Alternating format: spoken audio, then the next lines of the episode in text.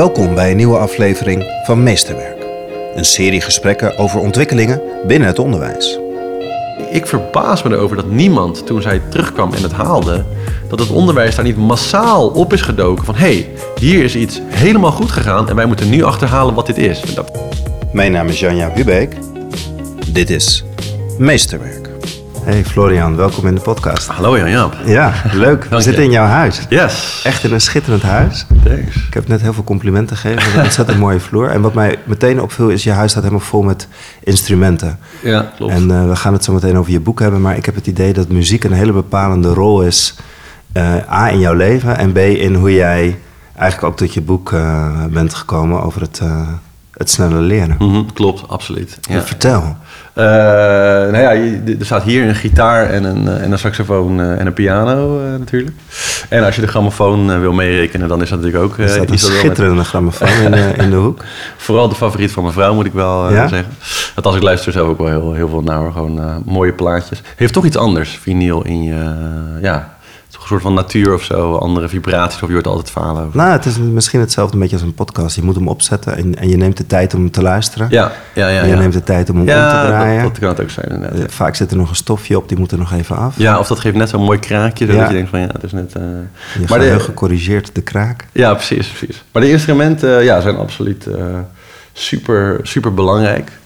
Um, omdat ik denk dat, uh, ja, zeg maar, ik heb daar, ik heb daar een tijd lang heel veel mee, uh, mee gedaan. Dus een muziekinstrument, uh, of avonden georganiseerd in Amsterdam voor, voor jong talent. Om een soort van de weg te vinden naar het meer professionele sessie-circuit.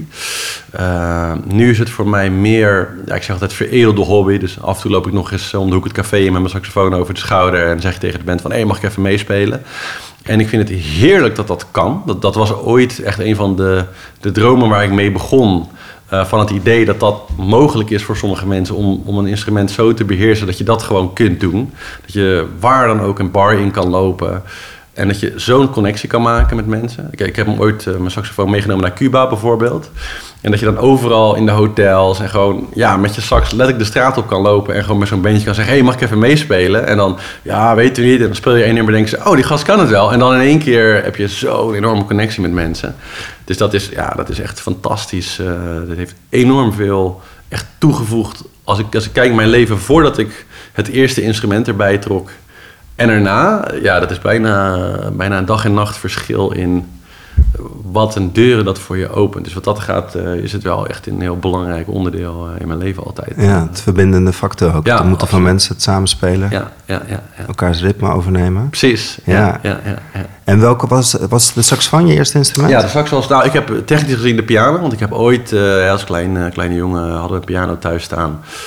dus ik denk rond acht of negen jaar hebben mijn ouders mij en mijn jongere broertje op pianoles gedaan. Maar eigenlijk waren wij allebei ja, veel te afgeleid. En wilden we gewoon voetballen en buiten spelen. En ja, daar zijn we ook na een jaar... Hebben mijn ouders dat weer opgegeven, zou je kunnen zeggen. maar daar, daar is ook mee begonnen. En, en toen ik een jaar of 23, 22, 23 was...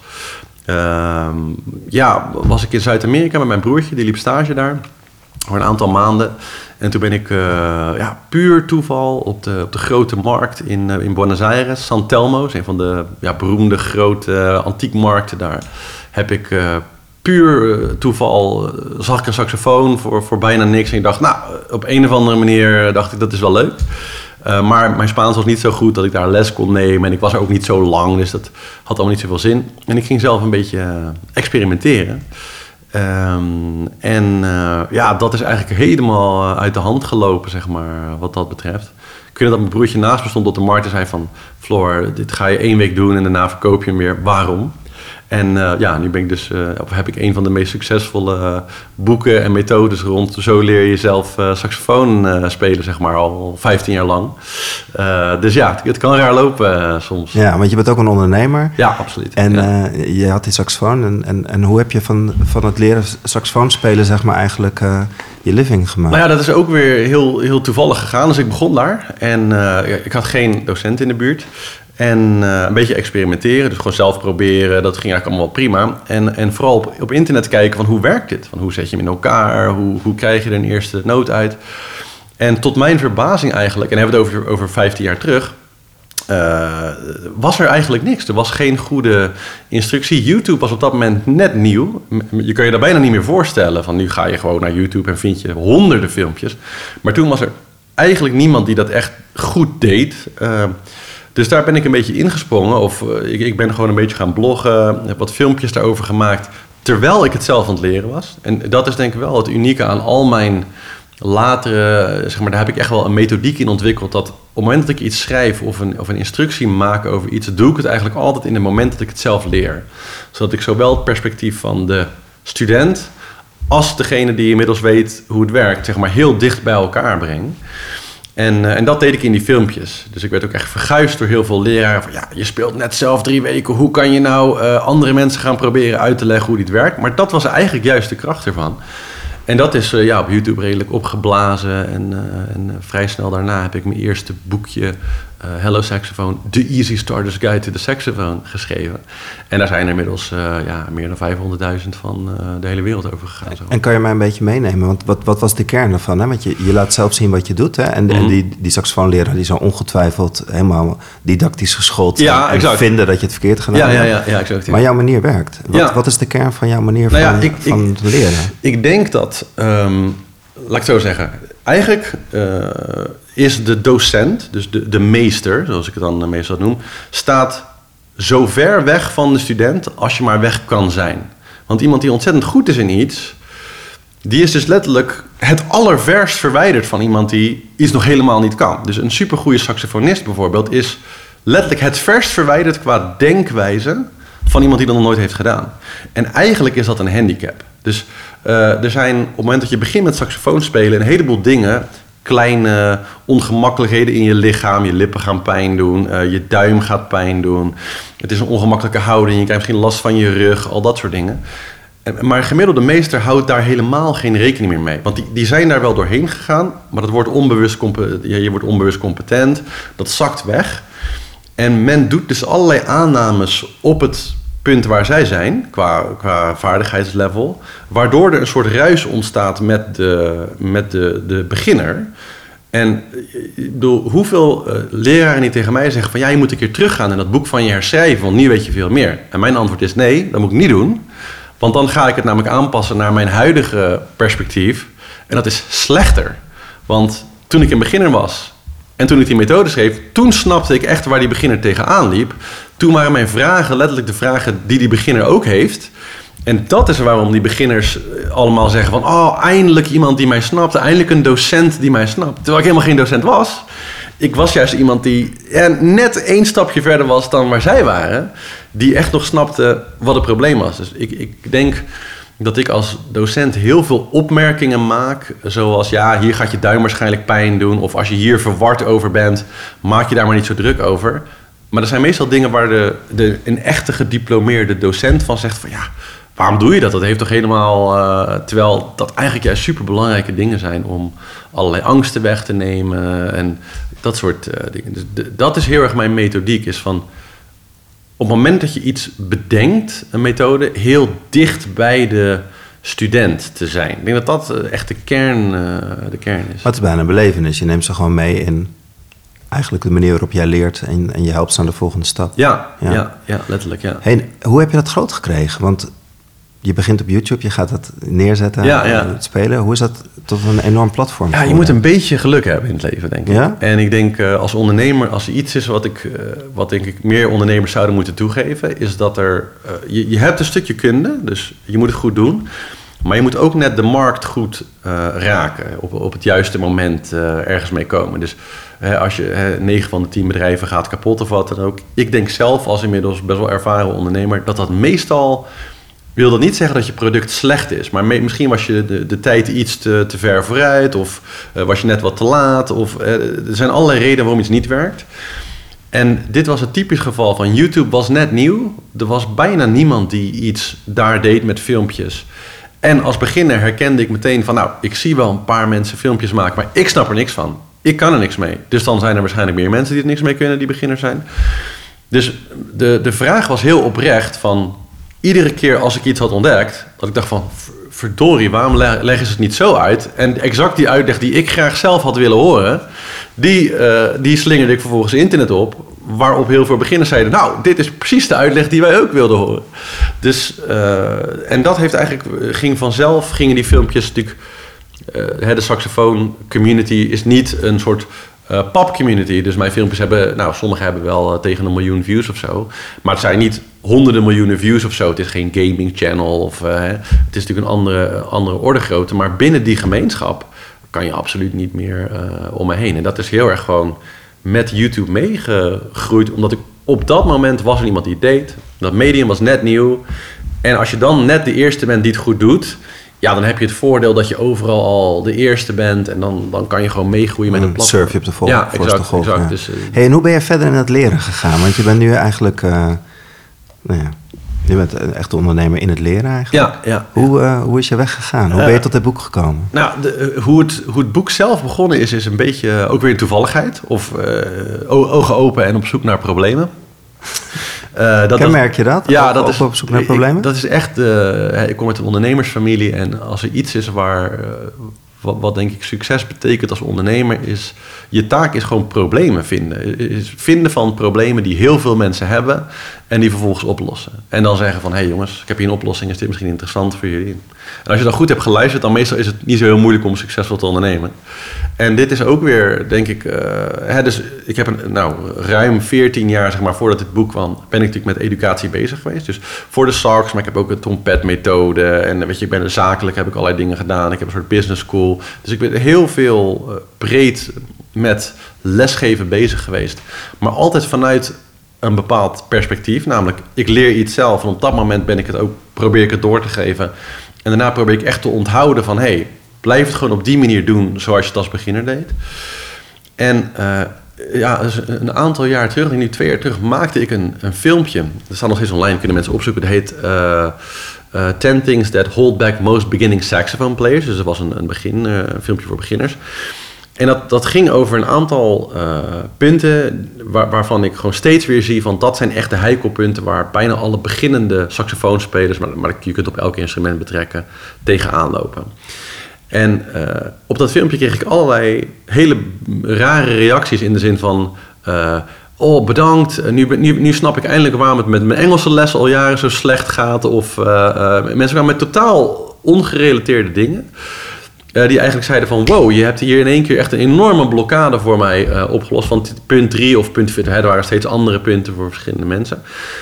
Maar bij mij kwam eigenlijk daardoor meteen het inzicht van... hé, hey, ik heb hier een soort algemene snaar uh, geraakt kennelijk. En het, en het waren ook wel ja, meer algemene punten. Ik zal één als voorbeeld noemen die ook in het boek staat. Dat is eigenlijk de eerste waar ik zeg van... je moet een, een, een angstloze student worden... Ik noem het dan een fearless uh, saxophone student, maar dat, geldt eigenlijk voor alles. En dat is het idee dat uh, op het moment dat ik mensen voor het eerst in de saxofoonles, heb ik ook wel eens, geef ik wel eens mensen echt gewoon saxofoonles, uh, en ze komen voor een eerste les, dan zie je vaak een enorme angst. Een soort van bijna verstijving optreden als mensen uh, voor het eerst een instrument beetpakken. Ik vertelde je net over die, uh, over die vleugel uh, die ik in mijn vorige huis had staan. soms komen er mensen in je huis en die zien die piano staan. En dan zie je een beetje het verlangen van, oh, ik wil even op spelen, even proberen. En dan zei ik altijd, ja, ga we zitten joh, pingel een beetje. En 9 van de 10 mensen is daar ontzettend voorzichtig mee. Je, je ziet ze bijna verstijven, zeg maar. Van, ze kunnen niet echt vrij experimenteren en er, ermee spelen. Ze zien niet... niet als speelgoed, zeg maar. Het is een instrument, het is uh, misschien duur of uh, je wilt die kapot maken. Nou, en, misschien ben je ook wel verlegen om de ruimte in te nemen. Want als jij gaat spelen, dan overheers je de ruimte. Ook, ook, ook. Maar op een feestje waar mensen staan te barbecuen... Uh, zo, zie ik dat niet echt als een factor. Maar wat ik wel heel erg zie, is dat... Um, zelfs bij volwassenen dus, die echt bang zijn om bijvoorbeeld zelf een instrument in elkaar te zetten, dat soort dingen, dat er een soort van, ja, ik noem het altijd uh, uh, overvoorzichtigheid. En waar ik uiteindelijk achter kwam, is dat dat eigenlijk uit de jeugd vandaan komt. Dus op het moment dat mensen heel jong zijn, van hun eerste tot hun twaalfde jaar, uh, leven we allemaal een beetje in een soort levensgevaarlijke situaties. Want voor een kind de trap oplopen of de weg oversteken, dat is natuurlijk eigenlijk een levensgevaarlijke situatie. En dus als ouders heb je heel erg de neiging om natuurlijk beschermend te zijn en, en kinderen daarin af te remmen in hun experimentatie, laten we zo zeggen. Dus de belevenis van een kind kun je een beetje voorstellen als... oh, ik ben in de keuken en uh, nou, mama heeft de oven aangezet... en ik zie een soort interessante oranje licht. Oeh, dat is wel interessant, dat wil ik eventjes aanraken. En dan, ho, ho, ho, ho, ho, ho kijk uit. Of uh, we zijn aan het picknicken en uh, oh, dat, dat water hiernaast ziet er wel glimmend uit. Ik wil eens eventjes kijken, even, even dat. Ho, ho, ho, ho, kijk uit. Of dit plastic speeltje voelt wel interessant. Ik wil toch eens eventjes proeven hoe dat... ho, ho, ho, kijk, kijk, kijk. En dus eigenlijk iedere keer als kinderen zichzelf in een positie brengen, wat ze van nature heel erg doen, om iets te proberen wat ze nog nooit eerder hebben gedaan, en ook misschien geen idee hebben hoe ze moeten doen, komt er bijna altijd meteen een reactie van die ouders, van ho ho, kijk uit, of iets in de negatieve sfeer. En je krijgt een soort van Pavlov-reactie, onbedoeld, waardoor mensen letterlijk bang worden om in die specifieke situatie van dit heb ik nog nooit eerder gedaan, dat, dat is de beste manier om te omschrijven, dan verstarren ze heel erg. En jaren en jaren en jaren van, dat, van die combinatie, zeg maar, zorgt ervoor dat mensen letterlijk die situatie ten alle tijden proberen te ontwijken. Dus bij volwassenen zie je van, oh, ik ga iets nieuws proberen. Er moet wel een docent bij en ik kan het zeker niet zomaar zelf gaan proberen. Oh, dat is er echt uitgeramd, zeg maar. En eigenlijk is het zonde dat wij niet, zodra je 12, 13, 14 bent, het is natuurlijk daarvoor heel nuttig, het is absoluut niet iets wat niet moet gebeuren, dat er dan iemand naar je toe komt en zegt, hey, tot nu toe hebben we steeds gezegd dat je heel voorzichtig moet zijn, maar nu, nu ben je wat ouder, nu kun je veilig experimenteren, nu moet je juist heel veel gaan experimenteren en nu moet je juist leren om zelf in te schatten welke risico's je kunt nemen en zo.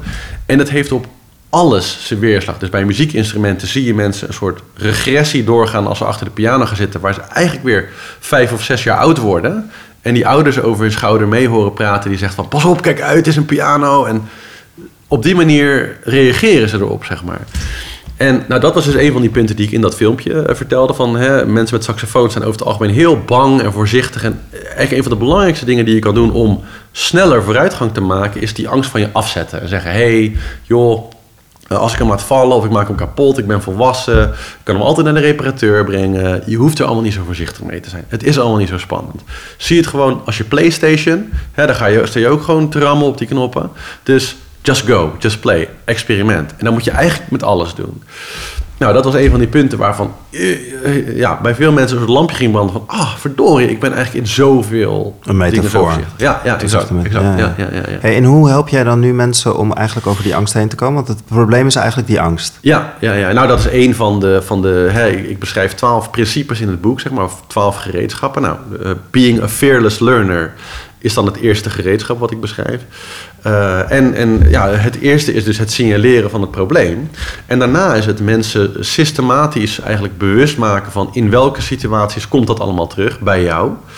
Um, en, en ga er dan vervolgens doorheen. Ga dat, ga dat doorbreken. En, uh, en begin klein over het algemeen. En dan leren we mensen om steeds grotere dingen op te pakken en daarmee te experimenteren. En ook succes te behalen. En dan is het vrij snel weg te krijgen. Maar het is puur dat, dat idee waar mensen soms even aan moeten wennen van... oh ja, inderdaad, ik ben volwassen. Als ik eens wil leren windsurfen, kan ik gewoon een setje huren... zonder les, zonder wat dan ook. En ik ga het gewoon proberen. En ik hoef echt niet bang te zijn dat het allemaal meteen het einde van de wereld is... en weet ik het allemaal. En het is zo logisch. En ook, eh, ik zie ook weer je hoofd schudden en, of, of knikken... en dat is bij iedereen die ik het vertel.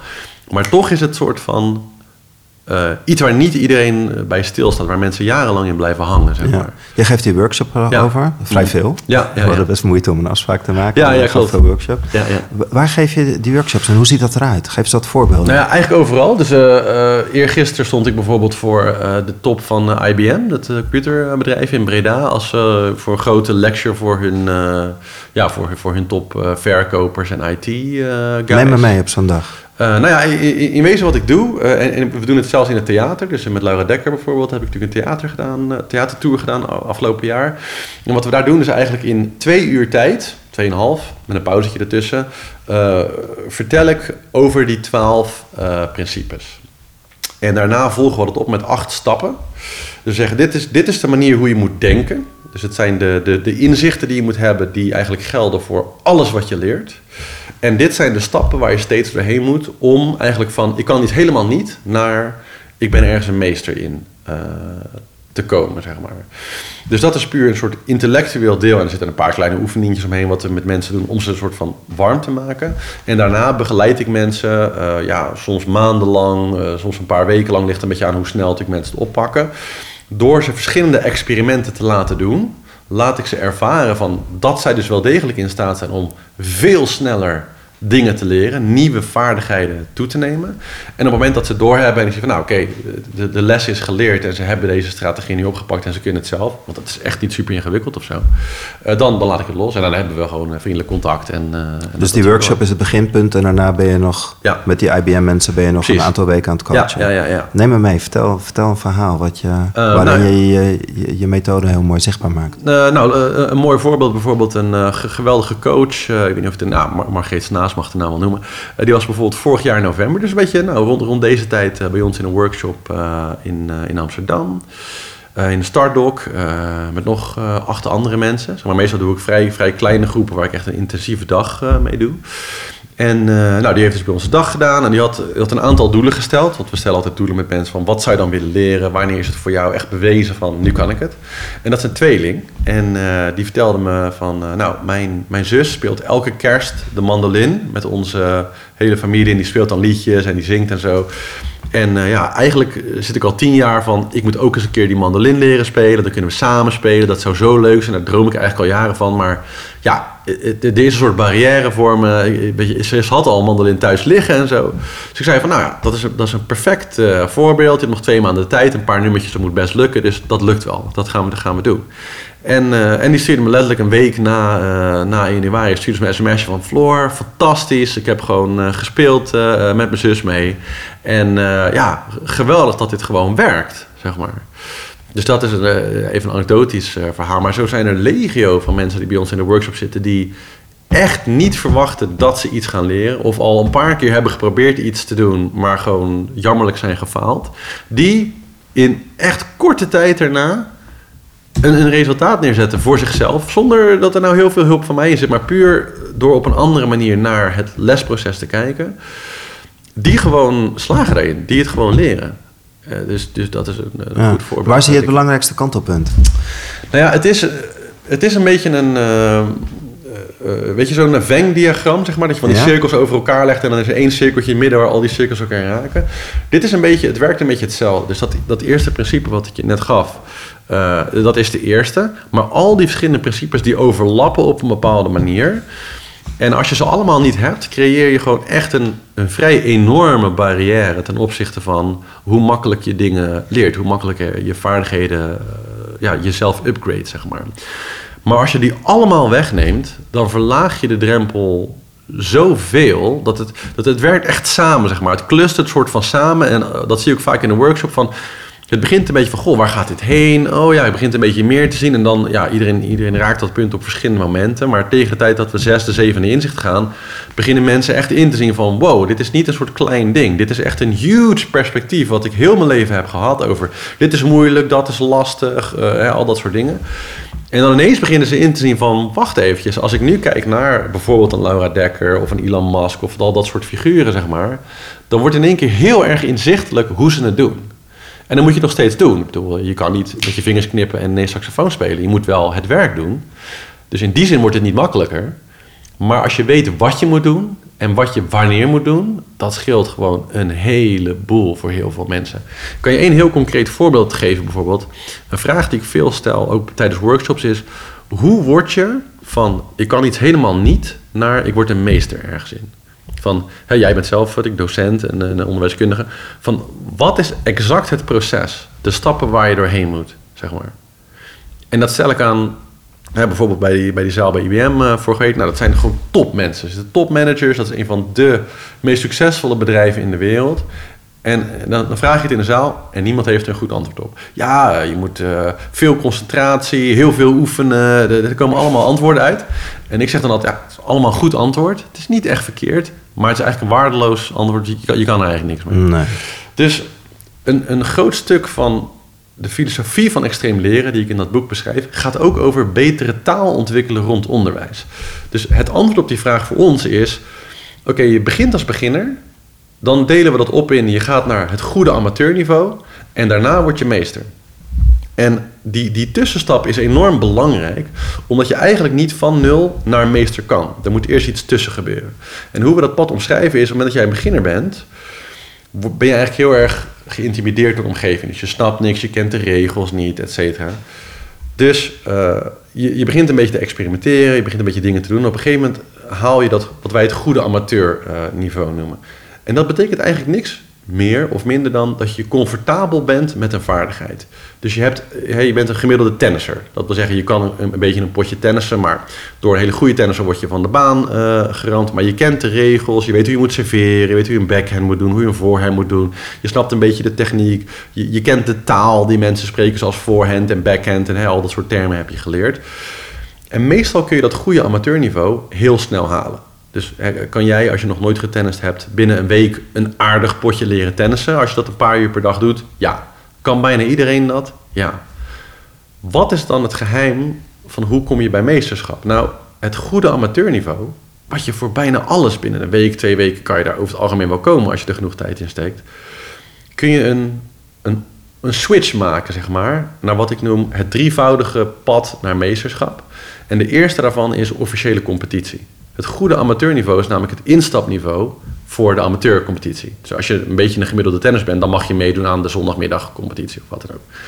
Dan ben je misschien nog niet goed, maar het feit dat competitie als proces mensen vanzelf naar boven duwt, want je wordt twee keer laatste en dan denk je, ja, ik hoef niet de eerste te zijn, maar ja, laatste is ook niet echt leuk. Laat ik iets harder gaan trainen, dan word ik misschien één laatste of twee laatste. En dan ben je een tijdje één laatste of twee laatste en dan denk je, nou, die vierde of die derde positie, die, die is nu wel in zicht. Laat ik nog iets harder gaan trainen. En dan word je op een gegeven moment een keer derde. En dan sta je dus al op het podium. En dan denk je op een gegeven moment van, nou ja, misschien als ik nog wat harder train. Maar ja, hoe noemen wij mensen die op het podium staan? Noemen we meesters, noemen we experts.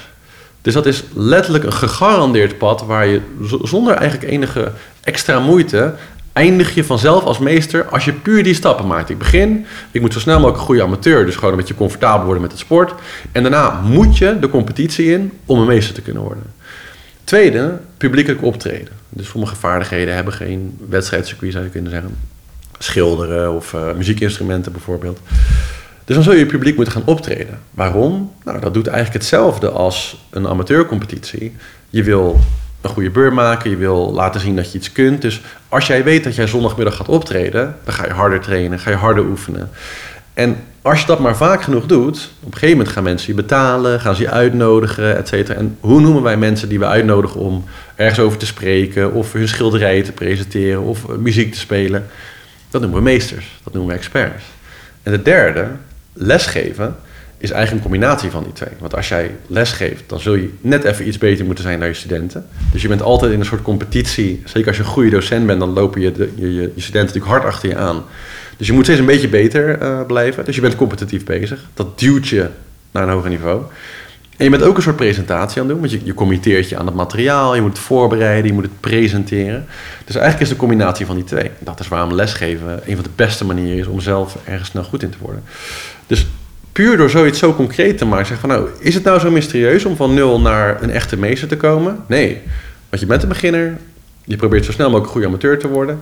En daarna zijn er gewoon drie manieren om een geaccepteerd, geaccrediteerd, weet je, geaccepteerd door de menigte meester te worden. En dat is wat je doet. En ik grap daar ook over in zo'n zaal. Van ja, ik ben dan een extreme learning meester. Maar, en ik word uitgenodigd bij dat soort uh, bedrijven zeg maar, om daarover te spreken. Dus ik mag mezelf een, een officiële expert noemen. Maar twee jaar geleden had ik dat boek niet geschreven. Die hele term extreem leren bestond niet in die zin. Dus het is een, een verzonnen ding, is een bedacht ding, is een bedacht expertise. Maar puur door daar gewoon twee jaar lang over te presenteren, heb ik mezelf tot geaccepteerd meester kunnen maken door simpel die weg te volgen. Snap je? En door iets zo simpel te maken eigenlijk, gaan er gelijk enorm veel deuren over van natuurlijk Terwijl heel veel bedrijven, maar ook individuen daar vast komen te zitten. Ja, je speelt thuis een beetje piano, het gaat wel goed. Maar ze, ze zijn niet echt bewust van het feit dat je één van die drie stappen moet maken om echt dat... Maar je moet dus eerst loslaten, je moet eerst experimenteren. Maar daarna moet je ook keihard de, de, de expertise in door te oefenen en door te trainen. En, uh... Als je meester wil zijn, wel. Je, kan, je kan ook een goede amateur blijven. Dus er heeft heel veel mensen voor een hobby of zo... wil je helemaal niet per se een, een meester zijn. Maar als het je doel is om ergens hè, meesterschap... dus je bent nummer 1, 2 of 3 in een wedstrijd... zo, zo omschrijf ik het dan altijd... Uh, om een van de beste, competente mensen in een bepaald veld te worden... is dat heel simpel de weg. En het is, is bizar eigenlijk als je erover nadenkt dat ik dus bij bedrijven dit vertel. En dat dan dat soort managers op dat niveau zeggen: verdorie, we moeten interne competitie starten. Verdorie, we moeten uh, wat meer gaan presenteren over de dingen van waarom hebben wij hier niet aan gedacht? Terwijl het eigenlijk zo'n obvious vraag is van jongens, waarom, hebben, waarom, waarom hebben, weten we dit niet al lang, bij wijze van spreken? Ja. Dus dat is heel erg, uh, het is heel erg dingen concreet maken over hoe leer je dingen. En gewoon veel beter proberen te beschrijven van welke stappen moet je eigenlijk allemaal door. Weet je, wat is, wat is het pad van ik kan het niet naar ik kan het wel. Ja. En de vraag die ik dan als laatste heb is, wat kunnen we ermee in het onderwijs? Uh, nou, een van de dingen, ik ben dus ook uh, in gesprek met diverse scholen hierover. En ik denk dat een van de dingen waar ik heel erg, wat ik heel erg probeer te pushen, is om scholen te overtuigen om die twaalf principes ook als uh, testcriteria te gebruiken. Dus je hebt uh, aardeskunde, wiskunde, et cetera, daar, krijg je natuurlijk cijfers voor. Maar is die student een angstloze leerling? Snapt die student uh, om, om na te denken over uh, zeg maar skills als in gereedschappen, zeg maar, dus tool mastery, wat we noemen, wat de tweede, tweede gereedschap is. Uh, en al, al dat soort vaardigheden meer. Dus puur te kijken van hoe, hoe ontwikkelt zich deze vaardigheid. Om dat extreem leren als skillset zie ik als de optimale algemene leerstrategie. Dus iedere keer als je één vaardigheid leert, leer je tegelijkertijd ook iets anders, namelijk hoe jij alles leert. En op het moment dat je jouw jou, hoe jij alles leert strategie, dus de, de software, laten we het even zo noemen, die je gebruikt om alles tot je te nemen. Als je die optimaliseert, wordt alles makkelijker. Dus hoe, hoe beter je processor is, laten we het zo zeggen, hoe makkelijker je steeds nieuwe vaardigheden naar binnen kunt trekken. En dat is waar wij werken. Dus ik werk niet met een soort specifieke vaardigheid. Ik pas het toe op een specifieke vaardigheid voor mensen.